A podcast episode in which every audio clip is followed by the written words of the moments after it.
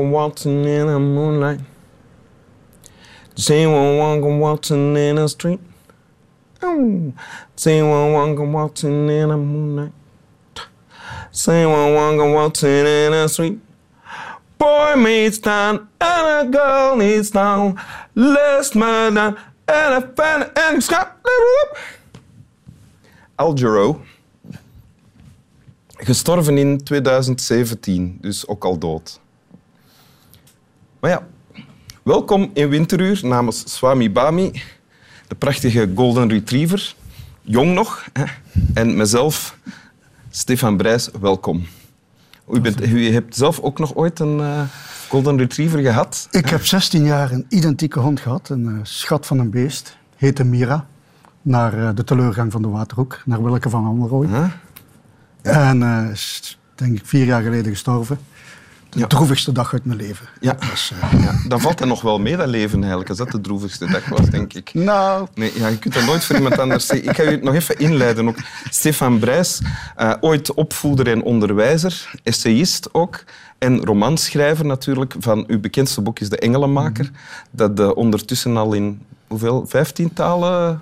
Uh, 16, 17. Bulgarije is er vorige week bijgekomen. Ah, voilà. Proficiat. Dank u. Ja. En u woont al vier jaar in Spanje, ja, in Andalusië. het zuiden van Spanje. Ja. ja. Voilà. Ja. je hebt een tekst meegebracht, wil je die voorlezen? Ja. Het is van een Spaanse schrijver. Oké. Okay. Ramon Sender. In de winter van 1936 was ik met mijn broer Manuel op everzwijnenjacht in Aragon. We waren te paard en spraken over de politiek. Als de fascisten in opstand komen en winnen, zei hij, schieten ze mij van ons beiden het eerst dood. Hij zei het glimlachend, zoals men al te ernstige dingen wel meer zegt. Kort daarop brak de burgeroorlog uit en de fascisten behaalden de overwinning in de provinciehoofdstad waar hij burgemeester was. Er kwamen twee politieagenten bij hem thuis. Ze zeiden, we hebben opdracht u te arresteren, u moet weggaan. We zullen zeggen dat we u niet gevonden hebben. Mijn broer Manuel antwoordde, ik heb geen reden om te vluchten. Ik ga niet, jullie kunnen me arresteren als jullie het willen.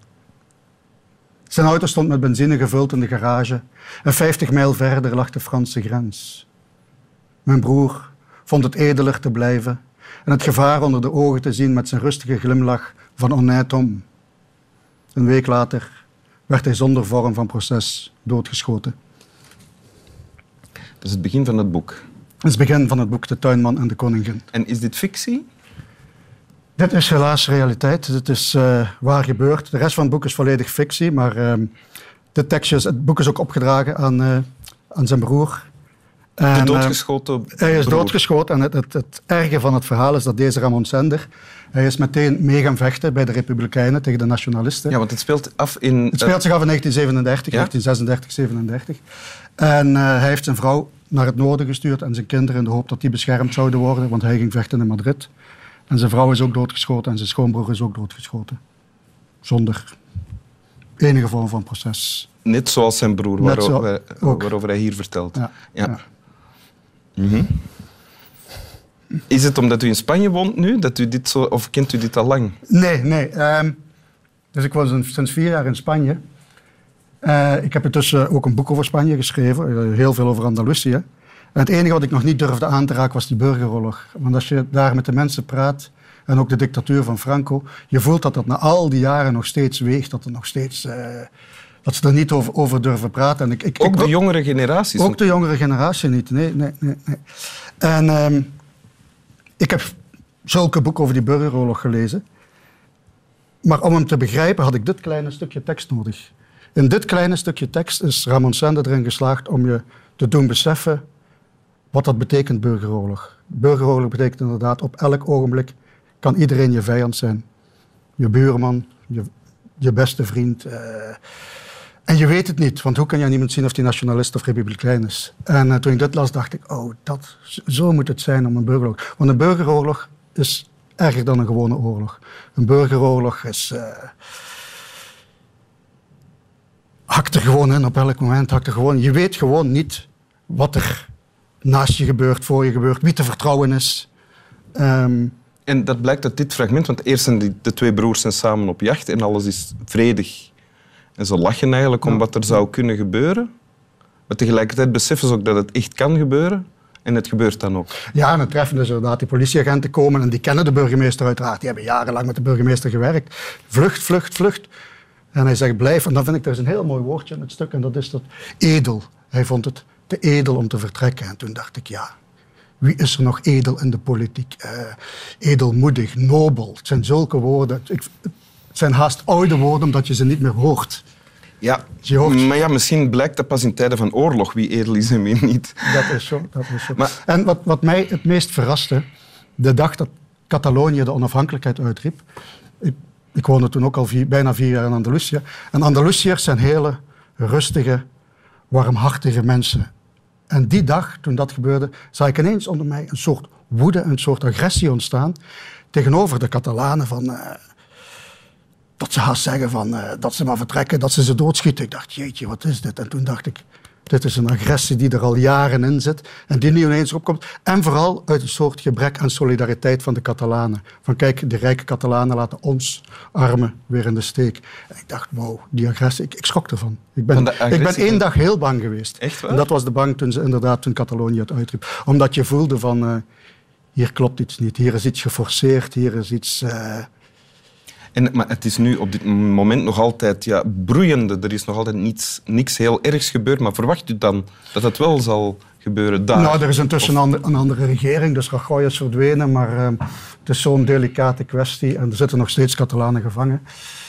Tegelijkertijd uh, besef ik, weet ik vanaf, uh, ik zit op de eerste rij haast. Uh, het is echt een staatsgreep geweest wat de Catalanen daar gedaan hebben. Ehm, ze hebben met een minderheid de macht gegrepen, ze hebben een minderheid de onafhankelijkheid uitgeroepen. En, en ik moet zeggen, het doet me pijn als ik kijk hier naar het nieuws, ik zie hoe iemand als Puig de Mond wordt opgehemeld. En, uh, terwijl ze nooit de andere kant laten zien, inderdaad. En, dat, dat, uh, en ik voel het gevaar, dat is ook deze tekst, en daarom is die zo, op dit ogenblik zo actueel. Ik voel het gevaar, het kan elk ogenblik opnieuw gebeuren. Niet alleen hier, maar ook het nationalisme dat je overal op dit ogenblik ziet. In heel Europa tot en met in Brazilië. Dus, uh, Klinkt alsof u bang bent eigenlijk. Nou, bang. Bang is niet het juiste woord, maar uh, laten we zeggen, wat er gebeurt, daar voel ik me niet goed bij. Daar voel ik me niet goed bij. Maar goed, ik zit daar in Andalusië op een heuvel en ik schrijf mijn boeken en mijn romans verder. Maar tegelijkertijd, uh, en je probeert de actualiteit in je boeken te brengen. Ik probeer erover te schrijven. Dus op een dag zal ik misschien over die burgeroorlog schrijven, hoe ik het ervaar als buitenstaander. Misschien ook om te waarschuwen van jongens, uh, let op waar jullie mee bezig zijn. Is dat ook waarom u dit stuk, of onder andere waarom u dit hebt gekozen, om te waarschuwen? Om uh, ons hier te waarschuwen? Om te tonen, vooral om te tonen. En uh, uiteindelijk uh, haalt iedereen eruit wat je er wil uithalen natuurlijk. Maar ik vond het vrij belangrijk omdat die tekst me inderdaad liet zien hoe het toen was, maar hoe het ook vandaag nog zou kunnen zijn. Ja. Wil je het nog eens lezen? Ja.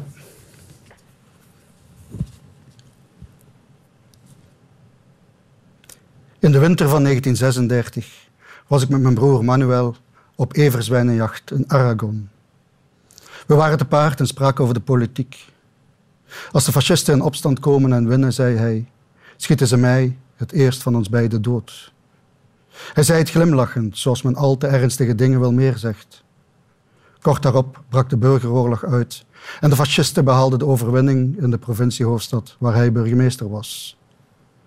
Er kwamen twee politieagenten bij hem thuis. Ze zeiden: We hebben opdracht u te arresteren, u moet weggaan. We zullen zeggen dat we u niet gevonden hebben. Mijn broer Manuel antwoordde: Ik heb geen reden om te vluchten, ik ga niet. Jullie kunnen me arresteren als jullie willen. Zijn auto stond met benzine gevuld in de garage en 50 mijl verder lag de Franse grens. Mijn broer vond het edeler te blijven en het gevaar onder de ogen te zien met zijn rustige glimlach van honnête homme. Een week later werd hij zonder vorm van proces doodgeschoten. Dank u. Alsjeblieft. Stap wel.